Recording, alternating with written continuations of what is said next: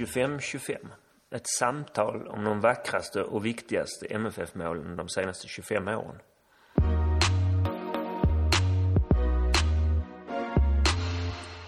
Vi som gör den här samtalsserien heter Tony Ernst och Henrik Zackrisson. all musik och alla jinglar är gjorda av Gabriel Ernst. Podden är klippt av Martin Ringstrand.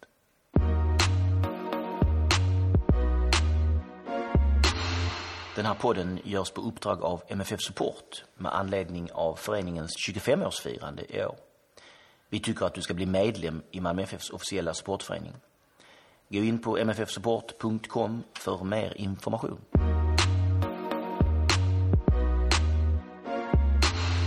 Mål 17. Daniel Nannskogs 2-1 hemma mot Umeå 1996.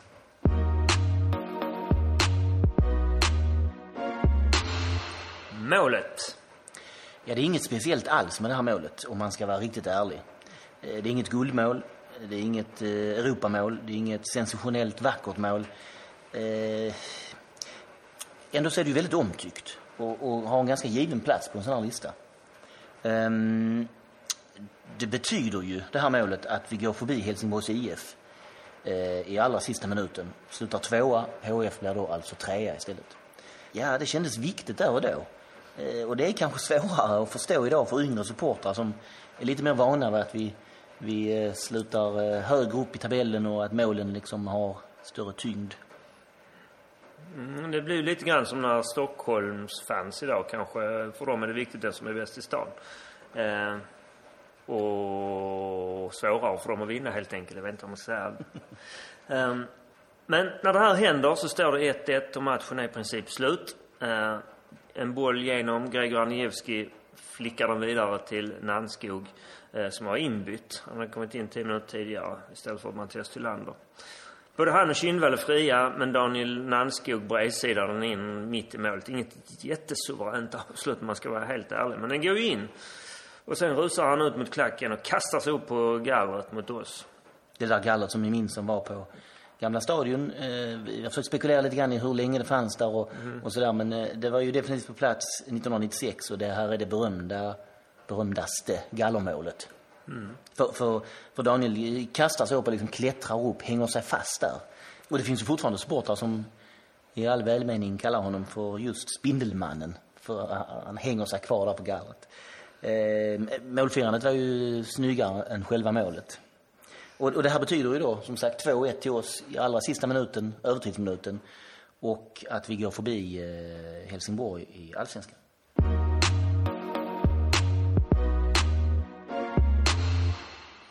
Tabelläget.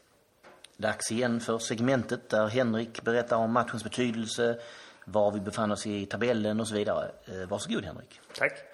Eh, jo, det är ju inte så att vi slåss om förstaplatsen på något vis här, utan Göteborg har ju vunnit serien. Och, men det är däremot jätte, jättedramatiskt om andra platsen. Vi är två poäng före HIF, tre före AIK, men vi har klart sämre målskillnad än båda de här lagen. Eh, och eftersom man kunde räkna med att de skulle vinna så innebar ju det här att skulle vi slå Umeå i, i den här sista matchen så blev vi tvåa. Eh, spelar vi kryss, ja då har vi fortfarande ett poäng mer än AIK blir trea.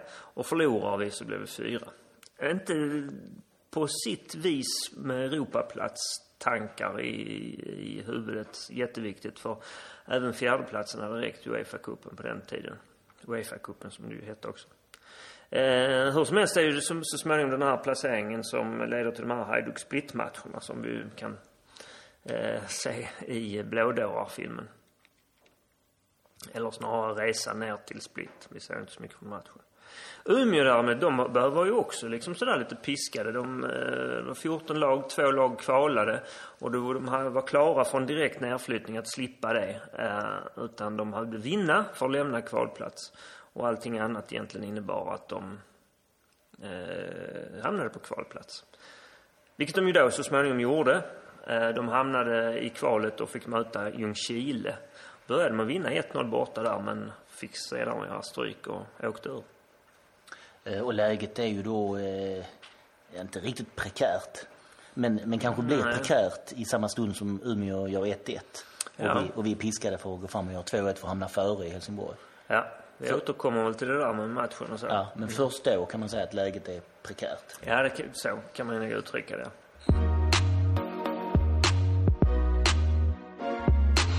Matchen. Ja, det är en viktig match eh, då för oss om, om vi ska bli tvåa. Det är ju en ännu viktigare match för Umeå om, om de ska ta sig upp från kvalplatsen. Men det är en ganska ensidig historia det här. Eh, Jag minns att jag tyckte det var konstigt där och då att Umeå överhuvudtaget inte gick framåt. Mm, Det kändes som att man hade tjänat på att chansa lite grann och försöka vinna matchen och ta sig upp på säker mark. De hade egentligen inget att förlora. Nej, pre precis. Eh, Vi hade allt spel, så, såklart som vanligt få in bollen. Sen gör vi 1-0 i slutet av första halvlek. Eh, Mitten av första halvlek. Jag ska låta det vara osagt. Jag hade, osett trott att det var i början på andra. Men jag ska låta det vara Ja, osagt. jag vill påstå att det är slutet av första. I alla fall, det är en fin genomskärare av Daniel Andersson. Så mycket vet jag. Och Kindvall blir fri och gör rätt så patenterat Kindvall-mål. Chippar Mm, ja, från men mm, du har nog rätt. Det är det första. På Eh, sidan. och, och, och sen händer inte himla mycket förrän plötsligt, som blixt från en klar himmel, så gör eh, Steve Galloway, han ska vi återkomma till, eh, oväntat 1-1 i slutet. Och, och då blir det lite vilda västern-fotboll. Ja, för då går Umeå för det. Då är det liksom... Precis. Och, och, och vi, vi går också framåt för att vi, då inser vi plötsligt att vi vill vinna. Jag minns det där och då att jag retar mig något vansinnigt på att vi i klacken har börjat sjunga precis innan de gör 1-1. Alla spelarnas namn och att de ska vinka. Vi vill se, och vem det nu är, vinka till oss. När det bara står 1-0. Jag, jag minns att jag står och säger till folk runt omkring mig, det här får ni vänta med tills matchen är över eller att vi har vunnit, med, eller att det står, står mer siffror. Och så kvitterar de till 1-1 och så är det som att det, eh, vi blir straffade för att vi har tagit ut det här i förväg. Det är lite som när spikern sådär med fem minuter kvar och eh, ett målsledning pratar om det här nästa match. Ja, eller som när Eller har- oddset just nu. Ja, eller som det värsta som finns nu för tiden när vi i- klacken nu börjar sjunga lätt bäst i serien eller vi vann igen fastän inte matchen är över. Det kvittar liksom vad det står tycker jag. Det där får vänta tills det är klart. Ehm, men sen gör då alltså Daniel Landskog mer eller mindre matchens sista spark, det här 2-1 målet.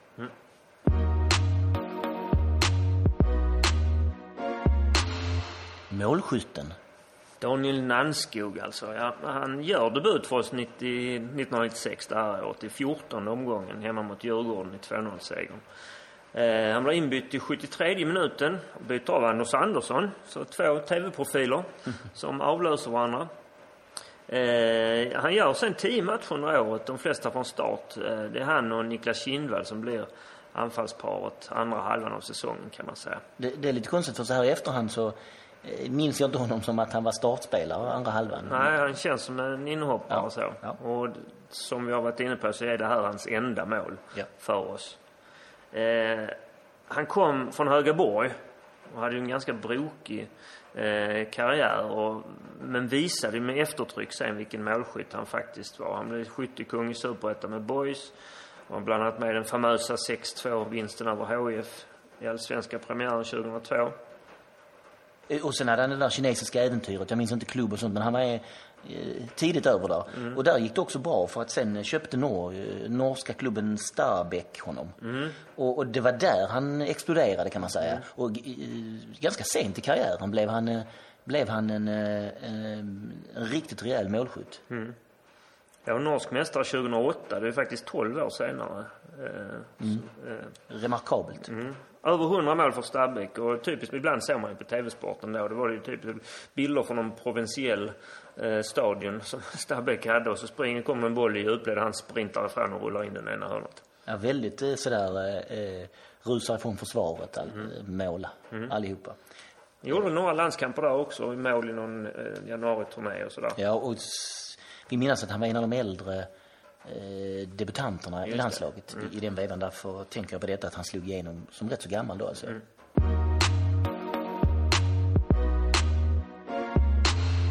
Året 1996. Ja, vi slutar tvåa. Det kan man ju tycka vad man vill om, men det, där och då är det en framgång. För vi hade inte vunnit sedan 1988. Sanning med modifikation. Vi vann ju allsvenskan 1989 också, men förlorade på nesliga straffsparkar eh, i eh, finalen mot Norrköping. Det annars här, 1996 är en säsong som eh, präglas av forwardskris. Just det. Det är inget mål från någon anfallare förrän i den elfte omgången. Då vi spelar 1-1 hemma mot Oddevold. Det är inte en jättebra, det är inte ett jättebra resultat. Och det här målskytten i, i alltså den första forwarden som gör mål, och det har passerat tio omgångar, det är en udda anfallare. Mm. Magnus Eriksson, eh, och heter han, och det är såklart inte den Magnus Eriksson som idag spelar i Djurgården. Eh, och han gör ett mål som egentligen debatteras om det är hans eller självmål. Men låt oss säga att det är hans. Han, han spelade kort tid hos oss och sen återfanns han i IFK Malmö med en viss framgång. Bland annat Kenneth Mattsson som ju tidigare har dykt upp i den här samtalsserien. Eh, och eh, Glenn Holgersson, den evige. Mm. Eh, forwardskrisen kan man säga lätta lite mot slutet av året och Yxel och Kindvall kom igång. Eh, och den här, det här året, 1996, så slutar vi eh, tvåa i tabellen på 46 poäng. Eh, vi har räknat ut här att det är 1,77 i snitt. Eh, motsvarar 53 poäng i en 16-lagsserie. Ganska lågt alltså. Det, blir, det är ju svårligen man blir tvåa på 53 poäng. Ja, och det, det, Vanligtvis. Och det tyder ju också när man tittar på det här att vi överlägsenheten från IFK Göteborg som vi ska återkomma till. Eh, de vinner eh, till slut, eh, de är 10 poäng före oss. Mm. Eh, det är mycket. Mm. Bara 26 matcher också ska man betänka. Ja, ja. Eh, och det här är Göteborg eh, under storhetsperioden. Man vinner allsvenskan här 96 för fjärde året i rad och sjätte totalt på 90-talet. Och vi är alltså på 1996 bara. Men, men eh, det här är slutet på storhetsperioden också. Det är sista gången eh, man vinner i, i, i den här eran. Mm. Eh, man har bara vunnit en gång sedan dess, 2007.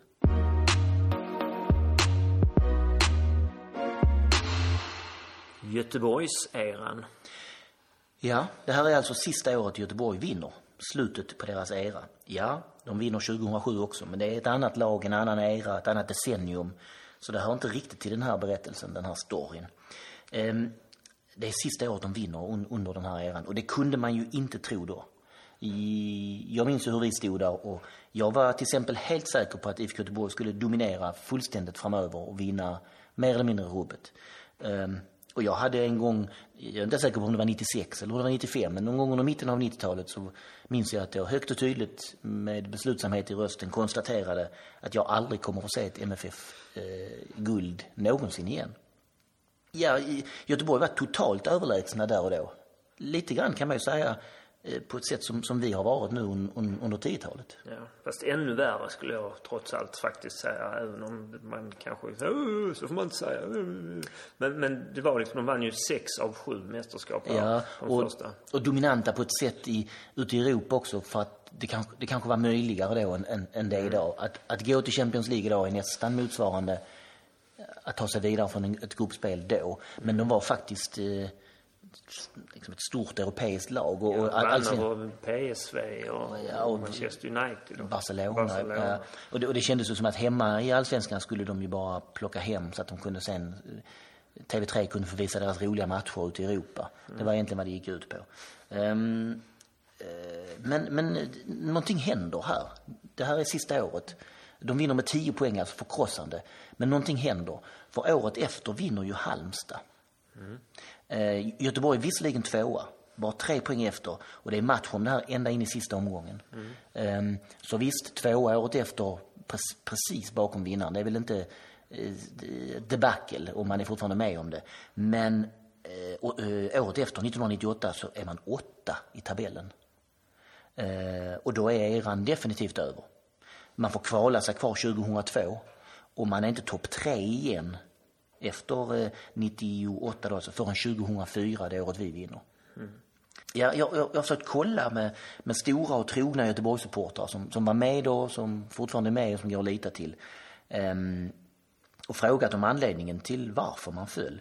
För eh, spelar vi tillbaks och Tony Ernst och Henrik Zachrisson står där 1996 på den här matchen och vi är visserligen ganska glada för att Spindelmannen Daniel Landskog har precis gjort 2-1 och vi, vi är tvåa i tabellen. Men ingen av oss hade ju kunnat tro att två år senare så blir Göteborg åtta i tabellen och är ute ur liksom, räkningen för vem som ska vinna allsvenskan. Det hade vi aldrig kunnat tänka oss. Och, och då är det i alla fall så här att eh, det, där är två huvudspår. Och det ena är en form av ekonomisk fartblindhet från såväl styrelse som operativ ledning. Det är liksom huvudanledningen också tror jag. Varför IFK Göteborg föll. Man eh, räknade in Champions League-pengar innan man hade fått dem. Man eh, köpte eh, spelare på extremt dyra och långa kontrakt med höga löner. Och när de sen började falla samman så, så hade man liksom inte täckning för det. Eh, och, och, och sen finns det ett andra spår här också och det är liksom en oförmåga att handskas med och kanske förutse den nya världsbild som dök upp i och med eh, Bosman-domen. Där det liksom var plötsligt möjligt att skaffa spelare utan att ha de här enorma Nej. Som väl kom 1995 va? Ja, men som slog igenom där precis. Ja, den- precis. ja. Men det är ju där. Ja, den slog igenom den här skarven 96-97 när Göteborg är allra bäst, vinner klart och sen plötsligt faller. Och, och det ska ju sägas också, eh, måste vi ju på något vis uttrycka här att det är ju jätteroligt Ja. att Göteborgseran tog slut.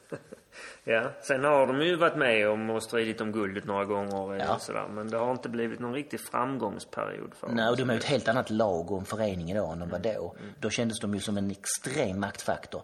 Idag är de en gammal koloss som, ja, ibland är med, men oftast inte alls är med. Trög känns de idag. Där de tidigare, säg, ja, 90 till 96, 97 var, var liksom ledare. Men det är nästan det allra bästa, för- förutom alla MFF-framgångar, så är det det allra bästa som har hänt i, i min fotbollssupporterkarriär. Att Göteborgs eran dog.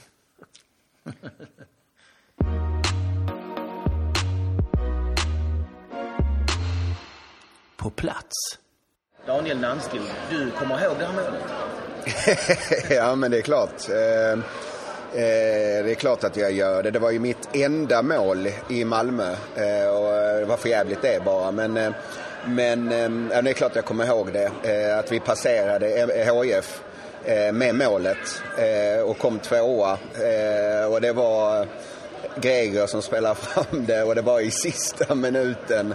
Eh, och sen jublet eh, när jag hoppade upp på staketet eh, och firade med fansen. Det var ett fantastiskt minne ju såklart ju. Eh, riktig, riktig äkta glädje. Jag, jag noterade att du la upp det på din Instagram nu också när, när, när Malmö tog guldet för att visa att du, eh, du hade också varit där. Precis. Eh, jag, jag satt i SVT, vi skulle göra Sportnytt som vanligt, jag och Matte Nyström och sen så frågade jag om de hade arkivet. Jag har inte sett det där målet eh, ute någonstans på Youtube eller någonting. Utan eh, kolla om de hade det arkivet och då tog de bara fram det. Så vi, vi, vi ödslat tio minuter på, på att ta fram mitt mål istället för att kolla på de andra matcherna.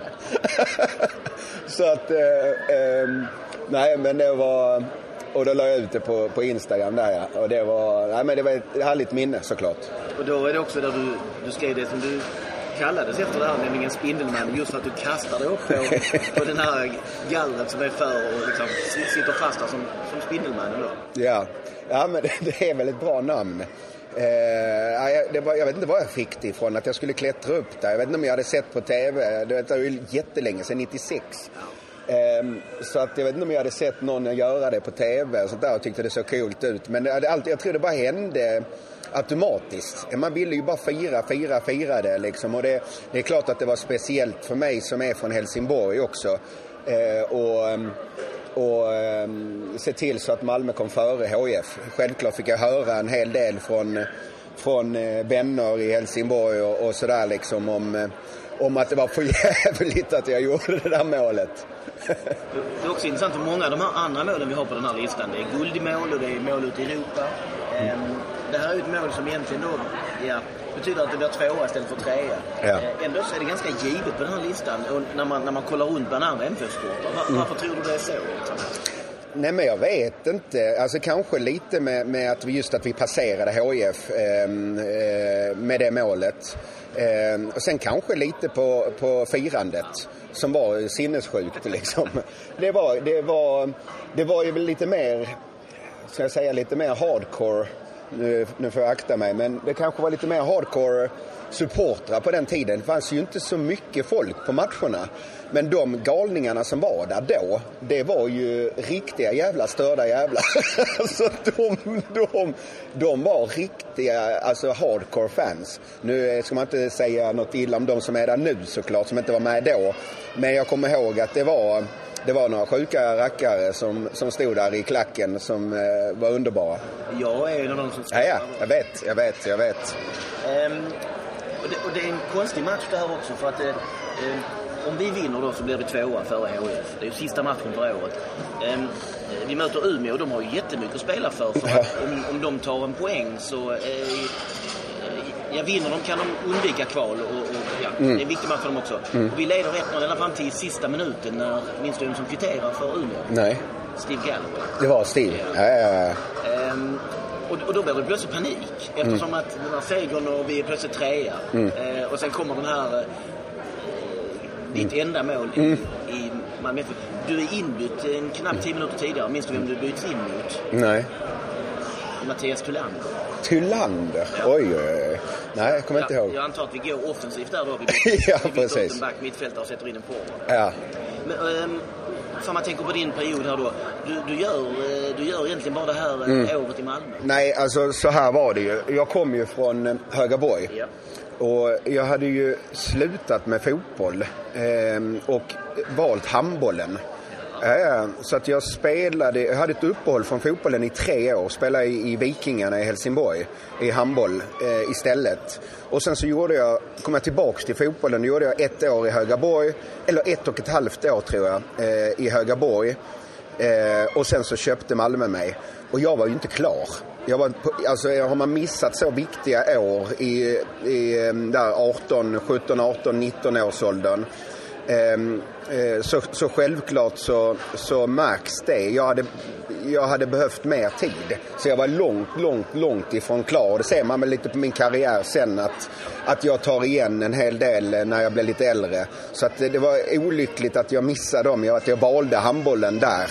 Eh, det kan jag liksom lite ångra då såklart, även om allt har blivit som det har blivit. Men, men, eh, men självklart så hade jag hoppats att, eh, att jag hade kunnat eh, prestera bättre i, i Malmö än, än bara ett mål. Men som tur är så blev det i alla fall ett, ett viktigt mål som man bidrog med. Men jag, samtidigt så fick jag ett, ett förlängt kontrakt egentligen utav Malmö och det kanske jag kan ångra idag eh, att jag inte eh, hoppade på. Ja, ja, jag fick höjd, höjd, höjd eh, kontraktsförslag men, men eh, eh jag vill, det var väldigt lågt ändå. Eh, och jag ville väl, alltså jag hade ju barn tidigt. Så jag ville ha lite säk, mer säker ehm, eh, lön. Det här var lite mer prestationsbaserat och så Djurgården erbjöd en lite mer eh, safe eh, grundlön. Eh, för att jag vågade inte riktigt gamla där när man hade man varit själv men nu hade jag barn att, att tänka på så, så, så blev det som det blev. Men jag skulle med, med facit eh, i hand skulle jag nog haft lite mer tålamod eh, och kört på i, i, i Malmö. Jag kommer ihåg att det var en ny tränare som kom där sen, eh, Frans Theisen. Kommer inför säsongen 97 då. Ja, precis. Jag gjorde lite träningar med honom innan jag stack upp till Stockholm liksom och, och gick till Djurgården. Så att, eh, men, men med facit här kanske man skulle eh, haft tagit det lugnt i Malmö, utvecklats ordentligt. Eh, jag hade kanske inte de folket runt, runt mig. Mina, mina föräldrar har ingen koll på fotboll sådär. Eh, som kanske då kunde vägleda en lite. Jag tror fan det är rätt viktigt det där. Nu har jag själv en son som spelar fotboll och det är klart att man själv kan ge eh, bra råd. De tar Dan Andersson som, som, hade, som jag spelade med då 96 som hade till exempel sin farsa och brorsa att kunna bolla med. Så det är klart att det kanske var lite enklare allting för, för en sån kille än, än för mig kanske. Du, du, du gör bara ett år i Malmö, mm. 96 då. Ehm, då får du inte spela till en början. Du kommer in någonstans, gör debut hemma mot Djurgården. Och du byts in mot eh, Anders Andersson. Oj. TV-profilerna nu Ja, ja, ja. som byter av varandra där. Ja. Eh, men sen spelar du ganska mycket på hösten. Är du och Niklas Kindvall som oftast bildar anfallspar. Men det blir bara det här målet i Ja. allra sista sekunden kan man säga. Men jag kommer ihåg att jag hade mycket lägen.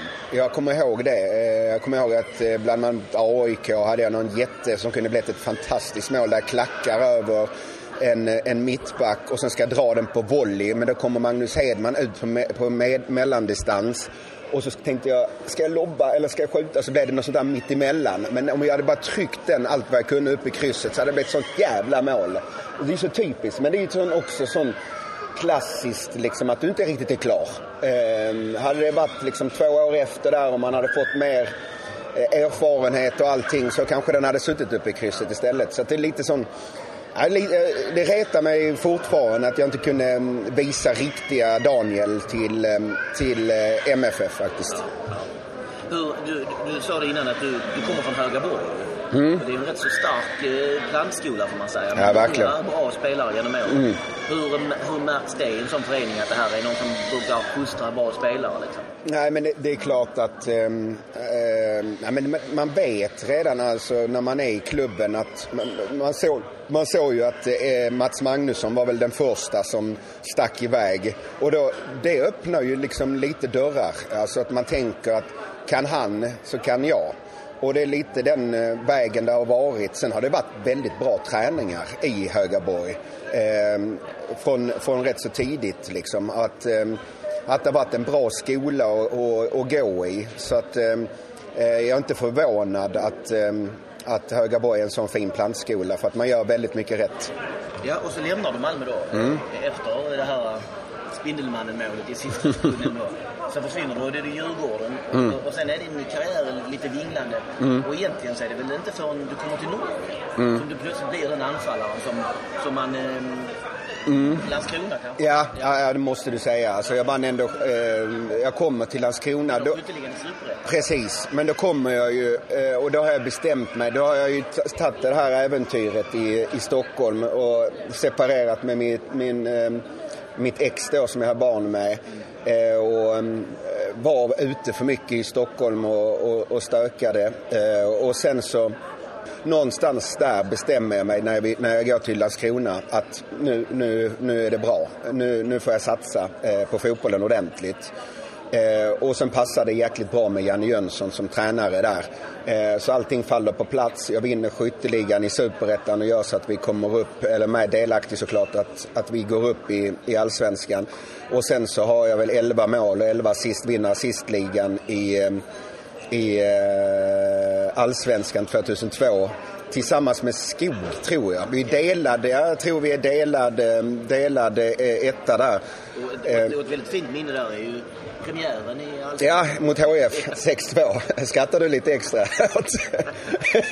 Nej, men det var klart att det var alldeles speciellt. Samma igen, att man möter ehm, den staden man är uppväxt i och sen då ehm, med, där de är jättefavoriter. Och vi, ehm, ja, vi vi kör ju över dem, speciellt i andra halvlek. Vi tar ledigt med 2-0 så gör de 2-2 och då tror de liksom att kom inte här kom, eh, nykomlingar, nu, nu är det slut liksom. Och sen så ändå gör vi 3-2, 4-2, 5-2, 6-2. Och det var ju jäkligt snyggt ju såklart. Men det, där var det ju ändå en, en, en, bra säsong och sen så gör jag en halv säsong innan jag drar till Kina. Eh, och Kina går jättebra. Eh, vinner interna skytteligan båda åren som jag är i Kina. Och, ehm, och, eh, så att jag skulle säga från, från Landskrona fram till, ehm, till Norge tills jag slutar så är det, så är det bra nivå. Helt enkelt.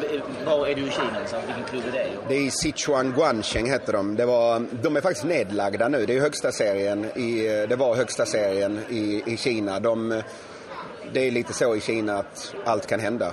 Och, och den klubben den är, är nedlagd nu. Jag tog alla pengar och stack. För sen minns man ju då eh, när man då hade man inte lika mycket, det var inte lika mycket matcher på tv, man hade lika mycket koll på det. Så det, hur det gick för dig i Kina hade man ingen aning Nej, nej, nej. Och, och sen var det ju Norge, där ser man inte hela matcher. Det är, nej. stadigt återkommande som vi pratar om, jag och min kompis här. Mm. Att eh, TV-sporten då, så är det mål i Norge och så är det Daniel Lernskog som kommer och springer förbi backarna och pangar in dem. Mm, mm. Hela tiden, och du gör ju mm. massor med mål. Mm, mm. Vinner skytteligan, ja, ja, ja. vinner guld och allt. Ja, ja. Eh, varför klaffade det liksom? Det måste ju varit... Eh... Nej, men där är också Janne Jönsson en, eh, en bidragande orsak. Fantastiskt bra tränare. Får en till att... eh, hans spel passade väldigt bra. Sen hade jag en islänning på topp som jag spelade med. Lite som, lite som Skog Ije skulle man kunna eh, sammanfatta det som. En kille som gillade att gå ner i, djup, eller i mellanrummet och, och vända upp och sen stack jag på i, i djupled. Så att han och jag kombinerade jäkligt mycket tillsammans. Jag tror vi hade, han gjorde också jättemycket mål och jag gav han assist. Men vi, vi, vi funkade väldigt bra ihop. Så att det var liksom, eh, och sen så hade vi ett fantastiskt lag. Vi hade någon brasse, någon kille från Kamerun.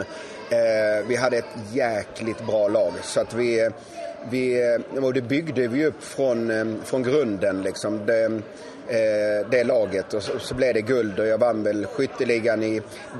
Jag började ju första året när jag kom och det, det som lockade mig från Kina var ju att de, var i, de hade åkt ur eh, högsta serien och sen var det ett projekt att de skulle tillbaks och upp i toppen i, i, igen liksom. Och så första året så vann jag skytteligan med 27 mål på 29 matcher. Eh, ja, det var bra. Och sen så eh, året efter så, så gick vi upp i, eh, då ju, i högsta ligan och då vann jag skytteligan direkt i högsta eh, med 19 mål. Ehm, och sen så vann jag skytteligan en gång till i högsta ligan. Då vann vi också serien. Ja. Och sen kom jag väl tvåa eller trea några gånger också. Så att, ja. Vad är Stabäck för en sorts förening för, för, för något som inte vet? Är det liksom var... Den är ju, alltså... Den, mindre klubb? Ja men, det, är, ja men det är en lite mindre klubb eh, som ville bli stor. Problemet var att vi, vi var på väg att bli riktigt stora. Vi byggde en ny arena nere i, i området där vi eh, huserade. Och, eh, men eh, samtidigt så var det ju den här kraschen, det var 2009 där, så att det blev det blev en smäll ekonomiskt eh, på den arenan och grejer så att vi var tvungna att kliva av den arenan. Men då hade vi ett snitt på, på 9-10 tusen eh, som var jäkligt bra från att gå till från en liten, liten arena som tog kanske en 5-6 tusen kanske till den 10 som tog, jag vet inte hur mycket den tog, men vi hade i alla fall ett snitt på 10. Men sen blev utslängda eh, därifrån Eh, och sen så har de fått kämpa lite i motvind nu men de ligger, ligger i, i, i mitten någonstans i, i, i högsta serien i Norge. Har du kontakt med någon där och så vidare? Absolut, jag gjorde ju många år, eh, många år där. Så att, och jag jobbade ju själv som, i, i Stabäck 2, eh, andra laget där som tränare ehm, eh, ett år. Så att jag har jättemycket bra kontakt där. Och, eh, blev väl utsedd till, eh, till eh, den bästa spelaren genom tiderna i, i, i klubben. Och det är ju verkligen eh, stort såklart. Du gjorde över 100 mål läser mig till. Ja, jag kommer inte exakt ihåg hur många mål men över, en bit över 100 mål var det nog som sagt, alla mål man minns från sporten var, just som du säger, att en djupledsboll så rann du igenom och petade in den. Liksom. Yeah. Så det kändes väldigt mycket som du beskrev det, den här islinjen som går ner yeah. och så sticker du. Ja, men väldigt många mål var så, eh, faktiskt, djupledsmål. Men det var andra, andra godsaker också. Det var lite annat också, men, men, men det var rätt många djupledsmål. Och lite som, som jag var inne på, lite eh, Skog, eh, Idje, eh, när de körde på du, du är en ganska så late bloomer, om man får man säga. Du, mm. du liksom... Ja men det är ju med det, med det, det som vi snackade om, liksom, att jag missade så mycket. Dels, dels då att jag, att jag missade viktiga år i uh, ungdomen. Eh, och sen då att jag kanske då inte satsade tillräckligt hårt på, på fotbollen när jag, eh, speciellt när jag gick från Malmö, Djurgården och den perioden där. Då var det, då var det inte så superfokus och det är självklart sånt man, sånt man kan äh, ångra idag ju. Hur, hur halkade du sen in på äh, expertrollen och, och i tv-grejen? Ja, men jag gjorde extremt mycket media i, äh, i Norge. alltid slängde de fram mitt huvud i, i intervjun, mixzone och sånt efter matcherna. Och, så att den dagen jag, jag sa Eh, eller jag, jag, fick ju en skada som gjorde att jag slutade. Och samma dag som jag eh, hade den här presskonferensen att jag skulle sluta. Samma dag så skrev jag faktiskt kontrakt med TV2 i Norge.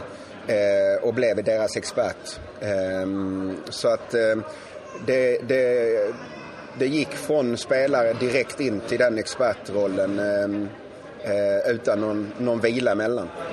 Du, jag, jag har ju varit med några gånger när, eh, ja. i, i TV när vi har sänt. Speciellt under Champions League-året för Malmö FF där jag var, var inkallad ett par gånger. Och då har jag suttit med och Mats Nyström och eh, Marcus Johansson oftast då.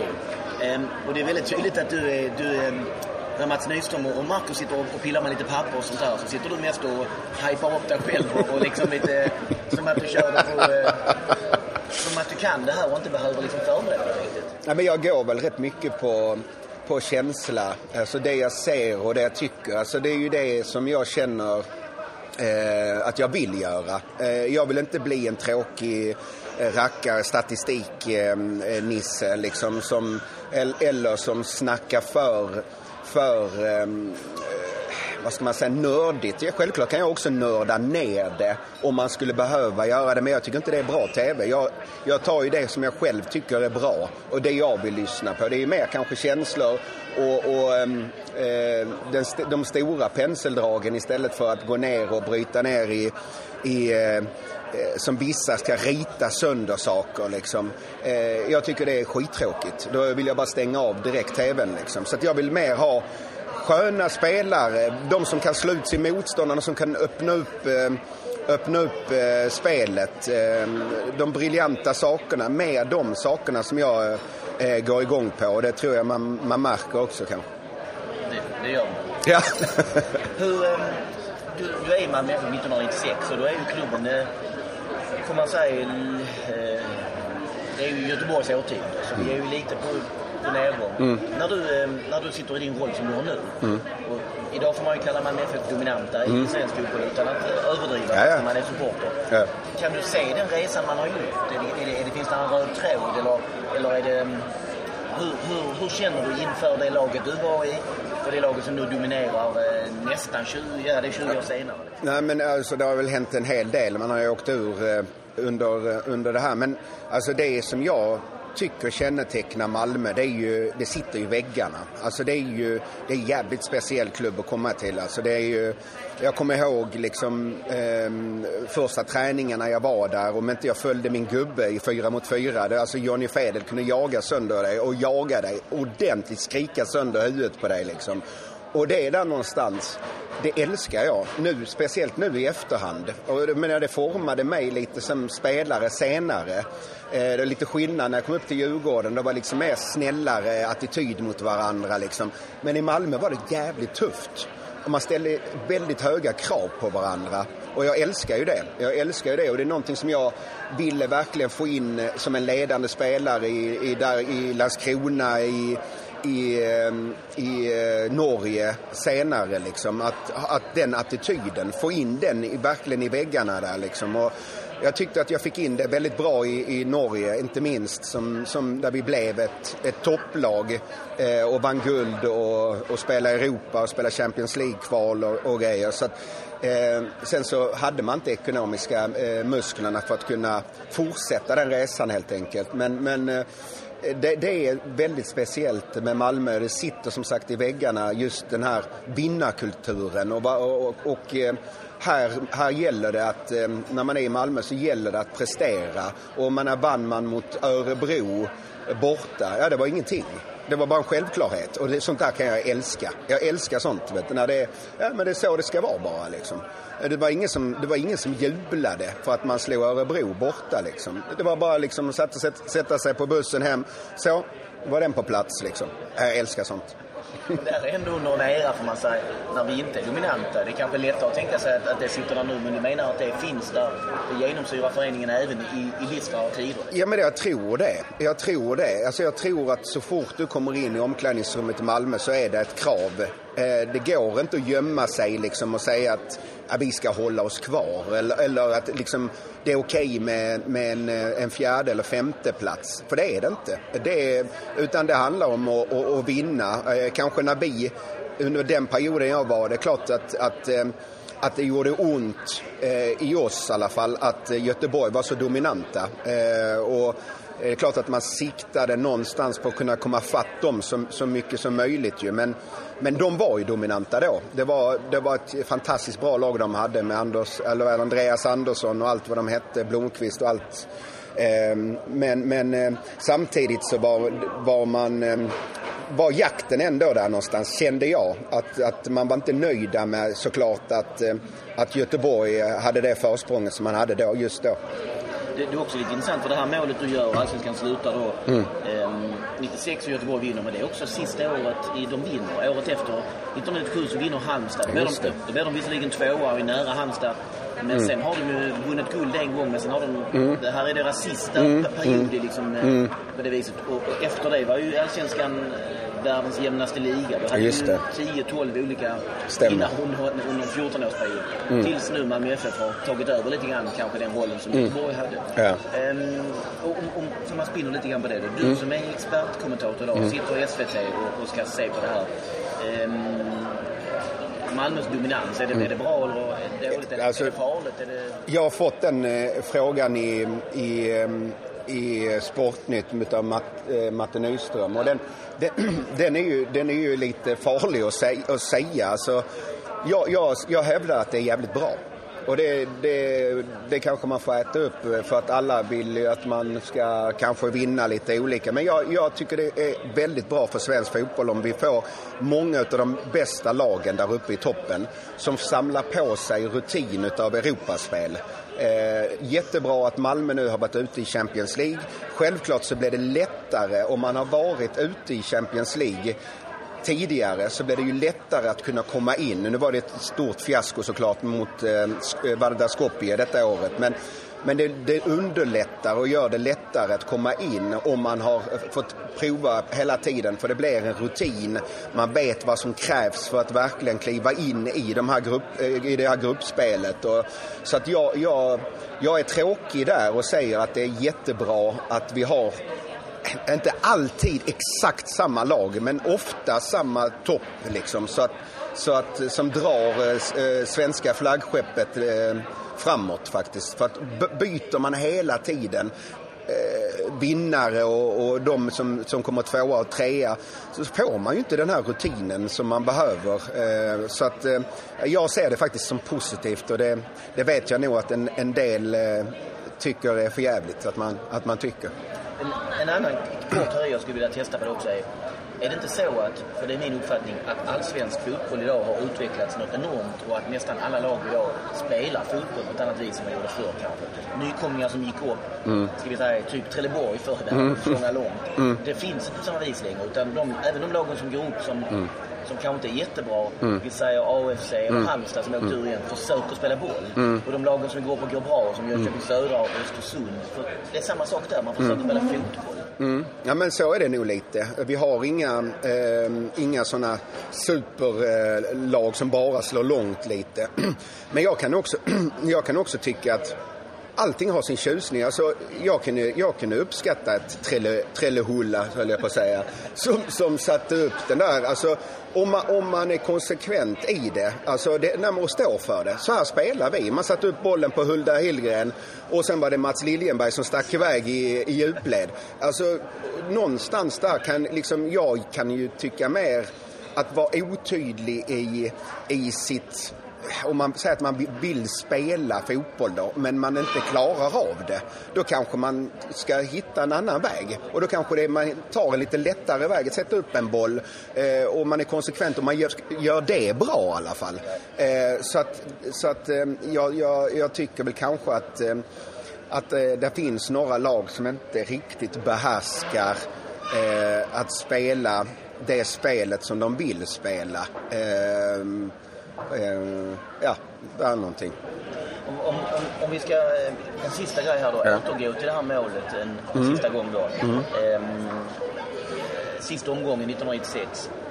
Vet du vem du gör målet på? Vem är det som står mål? Eh, jag har ingen aning. Det är en rätt så stor och, och, och erkänd svensk målvakt eh, som du säkerligen har träffat på andra ställen och som då är inlånad till Umeå i sista halvan av den säsongen för att försöka rädda dem kvar. Inte, inte Paul Lundin? Jo. Är det det? Ja, ja det är det. Paul alltså. Lundin. Ja, ja, ja. Det är Paul Lundin, ja. ja.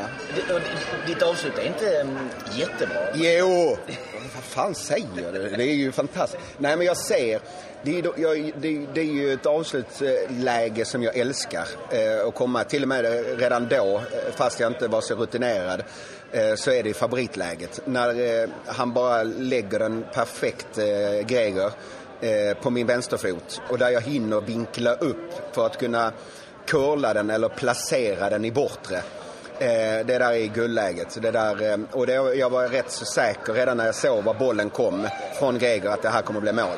Så att, ehm, Eh, nej, den där hade jag faktiskt jävligt bra koll på.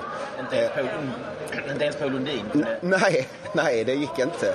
Eh, Spindelmannen skulle, skulle bara klättra upp där på staketet. Inte ens Paul Lundin kunde stoppa det. Kom- Kommer du ihåg känslorna när du, när du ser att den sitter? Det här är ju Ja. de sista sekunderna av matchen. Jo men det är klart, alltså det, det blev ju bara, det blev ju bara superglädje. Alltså det var, det var, för det var ju ändå mycket frustration att jag inte hade gjort mål. Jag var jättefrustrerad och kände, fan alltså har jag inte det i mig? Alltså, ehm, jag hade ju ändå gjort jättemycket mål tidigare under karriären och tänkte liksom, vad är det som händer? Kanske jag inte har det här allsvenska nivån i mig liksom. Och sen då när man ändå fick sätta dit den, eh, då är det klart att allting kom ut och just att vi, att vi kom tvåa, att det betydde mycket, eh, målet. Så det blev ju eh, alltså, så en enorm glädje eh, och, och det såg man ju på mig också. Mi- Minns du, eh, minns du efterspelet sådär i omklädningsrummet? Och liksom, Nej, men vi, hade ju en, vi hade ju en fest. Vi hade ju en fest sen som, eh, som var jättetrevlig. Och klart att det var bra stämning i omklädningsrummet och, och sådär. Så att det var, det var, det var glädje eh, hela den dagen. Jag var väldigt, väldigt stolt eh, över målet där ju. Det var ändå första allsvenska målet och som sagt all frustration. Jag vet inte, jag hade gjort något mål tidigare i allsvenskan det var, det var ändå någonstans litet kvitto att jag, att jag kunde på något sätt. och, och sen på MFF Supports årsfest det året så, så blir du till årets målfirare. Det är den viktigaste ut, Ja, ja. som vi har. Och du min- minns att du, att du nästan eh, eh, gör om målfirandet. Du hoppar upp på bordet och, och Jo, det är det. skriker. Det kommer du inte ihåg. Nej. Nej, jag kommer inte ihåg det. Men, eh, Stunden krävde det. ja, men det är precis. Och det låter väl eh, väldigt mycket som är det.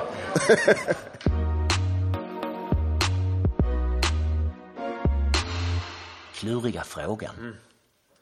Ja, dags igen. Tony Ernst ställer en klurig fråga till en helt oförberedd Henrik Zackrisson. Jag, jag, jag känner ju så här inför detta att det liksom är... eh, Jag är ju ingen fotbollstänkare och så. Jag kan ju inte liksom titta på en match och säga ja, hade vi bara centrerat anfallarna och flyttat upp uh, ytterbackarna i banan så hade vi vunnit. Så jag kan inte se sånt. Men jag däremot liksom så tycker att någonting jag kan så är det ju liksom kalender, en kalenderbitare. Att jag kan säga att ja, det var den spelaren som gjorde det målet. Det blev Det- så så mycket. det- Men jag har ju inte kunnat någonting du har frågat om överhuvudtaget. Så Jo, jag det- kan bara slänga det i den Nej, då, det, uppfattningen det, också. det stämmer inte. Allt det här hänger samman med kanske en eller två eh, eh, misstag. För det är fortfarande så att eh, du är ju en av de skarpare ihågkommarna jag känner till, till om saker du har sett. Så vi, vi är inte tappt utan vi... Nej, nej, vi har inte tappat absolut. Men jag fattar inte heller det här att jag blir... Vi sitter här, du och jag själv. Jag, är- blir liksom, jag fattar inte hur du kunde... Jag blir stressad. Hur du kunde vara med i TV och svara på frågor. Nej, nej, Alltså, nej, nej. jag bara så lejon. Existentialismen. Blått. Lite grann är det kanske att här, där, där, där kan man se publiken, man vet vad som väntar. Du tänker dig en imaginär stor publik här som, som väldigt eh, skarpt kommer Som om- sitter och hånflinar och kan kritiska det. ögon. Alla kan det utom jag som ska svara. nå. Eh, Okej, fram med frågan. Jag, jag, jag köra rubriken igen. Kluriga frågan. Och den här gången går vi ganska rakt på sak. Okej. Vem står i mål för Umeå FC i den här viktiga matchen för laget? Okej. Det är, det är, en, det är en klurig fråga. För det är en målvakt som du vet om det är. Det, det, det, svaret kommer inte vara Jörgen Borstensson som har stått i Umeå i tre matcher som du aldrig har talas om. N- Namnet är för övrigt fingerat. Eh, Men, men utan det här är en målvakt som du vet om det är. Just det. Precis, ja. Eh, och en målvakt som då har även stått i någon annan klubb förmodar jag, eftersom jag vet vem det är. Ja, det går väl in i ledtrådar då kanske. Men han står i mål i, i den här eh, matchen för Umeå FC mot oss. Det är inte en färgad kille. Nej, Nej. Han är kritvit, så kan vi säga. Du, du kommer inte ihåg? Du kommer inte Nej, ihåg jag honom? kan inte, jag kan inte se det här framför mig. Det, det kan jag inte göra. Nej, Ehm, för då hade du direkt eh, Ja. klämt honom. Så Ja, pass, eh, precis. ska vi säga, eh, trots att han är kritvit så är han så pass färgstark är han. ja. Men Så där är jag några vet inte, kan, kan Paul Lundin ha varit där uppe då? Kan han ha varit det va? Det är rätt. Okej, nu har de en färgstark som Ja, hjälpte ja, mig. ja. Jo, visserligen, men ändå. Jag kan inte säga att det är han ändå, Nej. även om jag nu...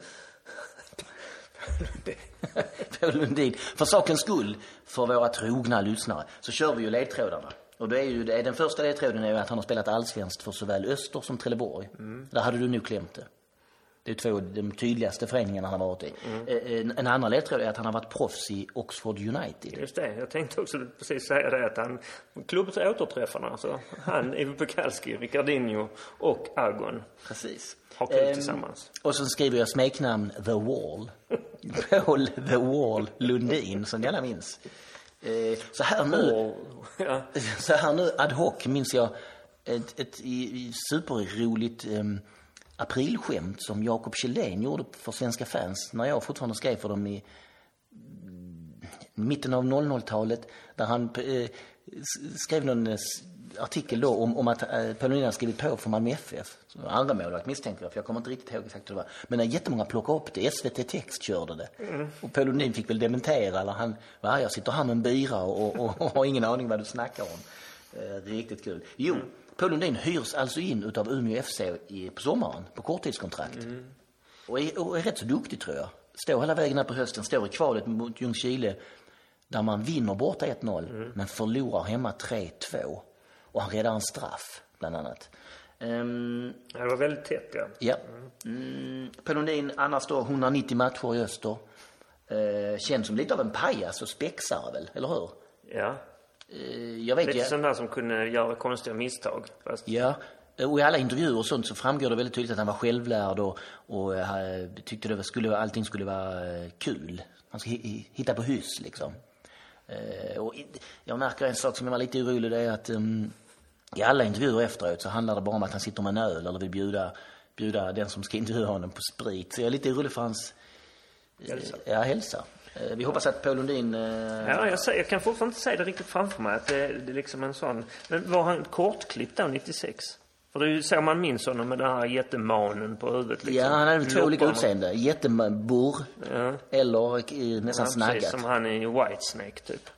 Inte riktigt kanske. Men... Eh, vi- Jag minns faktiskt inte jag, hur hans hår ser ut exakt. Men jag minns... var därför jag inte riktigt Ja. det framför mig heller. Men ja, strunt i det. Det var ju inte så mycket ledtrådar när jag klämde det. Så jag behöver inte skämmas riktigt. Nej, och Paul Lundin är alltså rätt svar. Det är Paul Lundin som står i den här viktiga matchen. Det är han som Daniel Landskog har målet på. Mm, gött.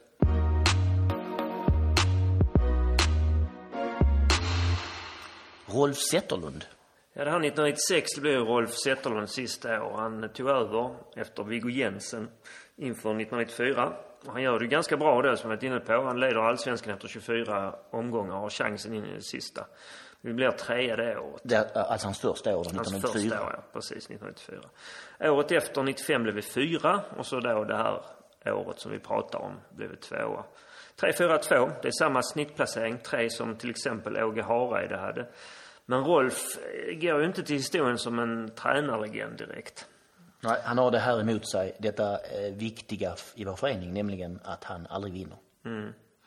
Och han är ju då kanske mer legendarisk för sina påstådda felsägningar av klyschor och ordspråk som till exempel att grabbar, lönen kommer radioaktivt och vi tog emot dem med öppna servetter och sånt här.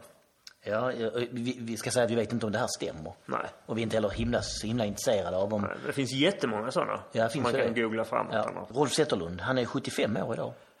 Ehm, han är äldste vinnare av Guldbollen. 1980 vann han den. Då var han 38 år gammal. Vet du vad som mer är speciellt med honom vad gäller Guldbollsvinsten? Eh? Mm, nej. han är den enda Guldbollen-vinnaren eh, som aldrig har gjort en landskamp. Han fick ju den här Guldbollen 1980 för han hade eh, fört upp Brage som spelande tränare från division 2 till allsvenskan på tre år. Det var alltså division 2 var ju motsvarande eh, tredje eh, tredje ligan. Och 1980 när han vinner Guldbollen så eh, blir han fyra i allsvenskan som spelande tränare och tar också laget till final i Svenska cupen. Där man dock förlorar på straffar mot Malmö FF och det är just Rolf Zetterlund som bränner straffen. Ehm, men i, i, icke desto mindre så är det därför han får Guldbollen. För hela det här projektet Brage och han har lyft dem hela vägen från division 2 till fjärde plats i allsvenskan. Men han gör alltså inga landskamper. nej. Jag kommer ihåg här också som avslutning att han när den här matchen är slut, att han liksom, man vet om att han ska sluta. Han springer bort till klacken och ser ganska glad ut och vinkar. Liksom så här med båda händerna. Får väl såklart applåder. Men som jag minns det ganska liksom, det är lite sådär ljumt. Det är inte en riktig svallande tårdrypande hyllning direkt. Nej, det är det inte. Vi, vi, vi spelade ganska fin fotboll under Roffe tyckte jag. Och han, han var rätt så glad i att lyfta fram ungdomar. Daniel Andersson, Anders Andersson. Vissa av de här hade ju såklart debuterat tidigare, men han gjorde dem till eh, liksom, tydliga eh, ordinarie spelare som, som verkligen fick chansen. Daniel Andersson, Anders Andersson, Jörgen Pettersson ju, eh, Patrik Olsson, Mattias Tholander och så vidare. Så att, eh, det var ju en svår era att åstadkomma någonting riktigt enormt i med Ja, han Göteborgs kanske, dominans. han kanske har en, liksom ett lite orättvist eftermäle, jag vet inte. Ja, det har han nog. För när man ser tabellerna, placeringarna här nu, trea, fyra, tvåa. Det är ju inte så himla risigt. Nej, Det är inte Åkerby-siffror. nej. Jag vet inte.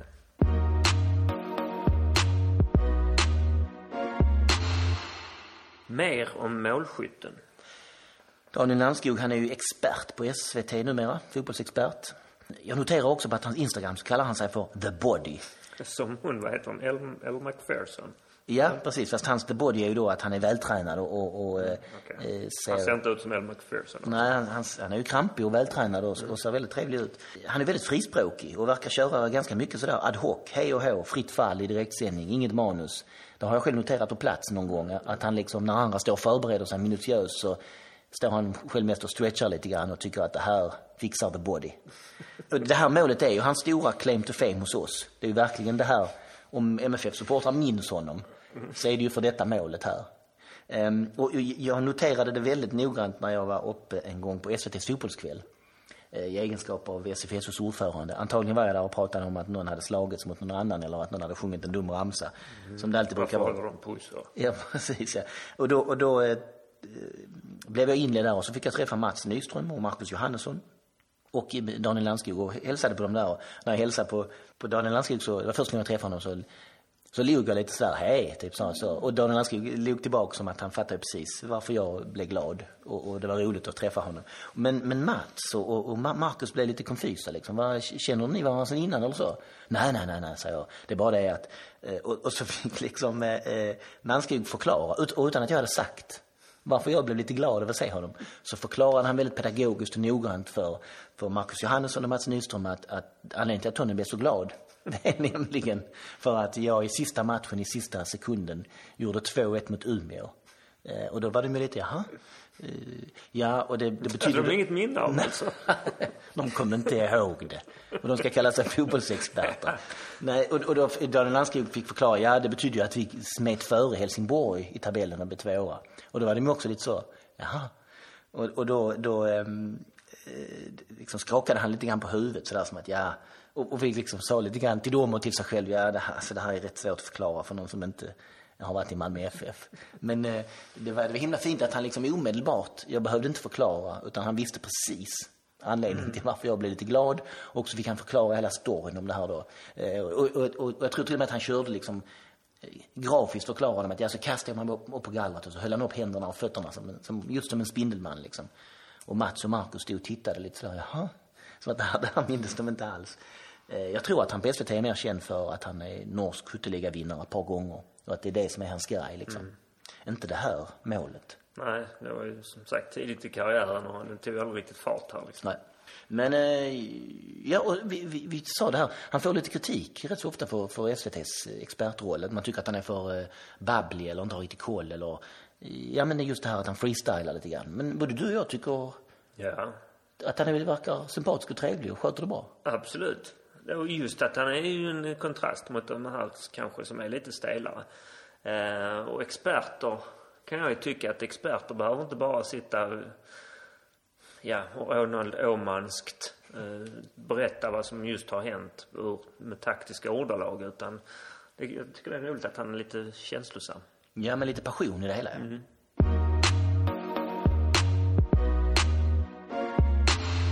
Stora silver. Ja, vi pratar alltså ett mål som gav oss en andra plats och varför då detta?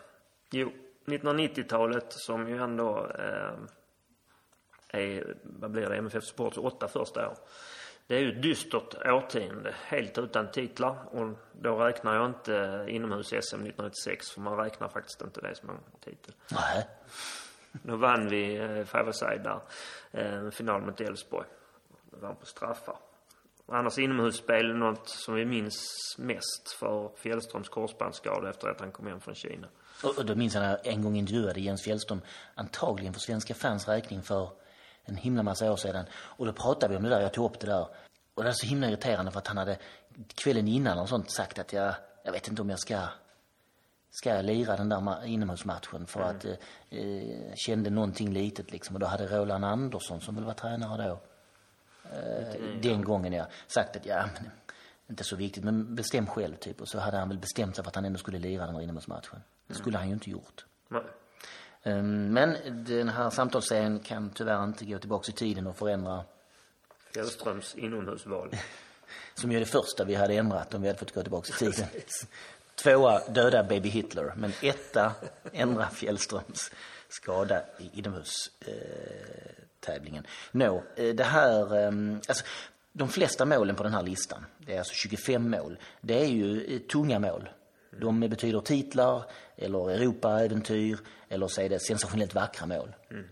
Men det här sticker ut lite grann genom att det inte tillhör någon av de kategorierna. Men det kändes ju där och då som ett stort mål. Eh, som, eh, I och med att vi då kom före Helsingborg eftersom Göteborg ändå var så överlägsna. Så det, det liksom räcker. Nästan alla andra man pratar om det med skulle också ha med det här målet ju. Just för att det är, det är någonting visst med det. Och en sak här är ju målfirandet. Va? Det spelar ju väldigt starkt in.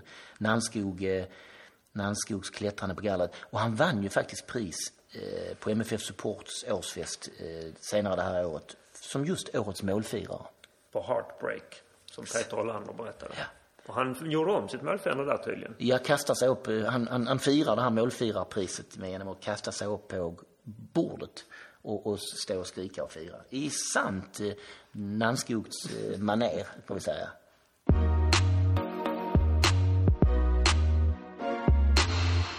Högaborg. Daniel Nannskog är fotbollsfostrad i Högaborg. Och just Högaborg är ju erkänd som en stor plantskola i svensk fotboll. Liten förening utanför Helsingborg. Henrik Larsson såklart, han ska vi inte prata om här. Eh, Bröderna Khalili, Imad och Abdul, de ska vi inte heller prata om. Nej, roligare då med Mats Magnusson, eh, Jocke Persson och legendaren Dejan Pavlovic. Alla tre eh, från Högaborg och får man säga eh, stora profiler i Malmö FF. Och idag är det faktiskt så att det är Jörgen Pettersson som är tränare för Högaborg. Och Jörgen Pettersson eh, är ju MFF. Så är det.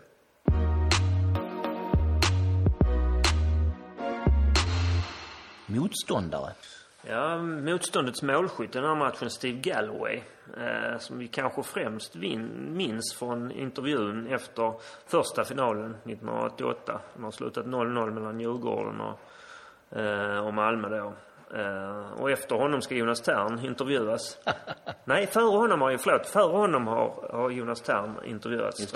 Han, Jonas reser sig upp, eh, Steve Galloway sätter sig ner och då rufsar Jonas Tern honom i håret. Men Steve Galloway reagerar inte riktigt som han själv hade gjort. Så att han, oj, tack. Tack Jonas. Den andra, hey man, don't touch my hair, sa han, fast på skoj. Eh, det är skämtsamt gjort, så eh, trots matchens vikt och eh, var man befann sig så kunde han liksom ha glimten i ögat. Så han är ju en sorts kultfigur inom svensk fotboll. Får man säga va? Född 63, så han är 54 år idag. Eh, Född i Hannover.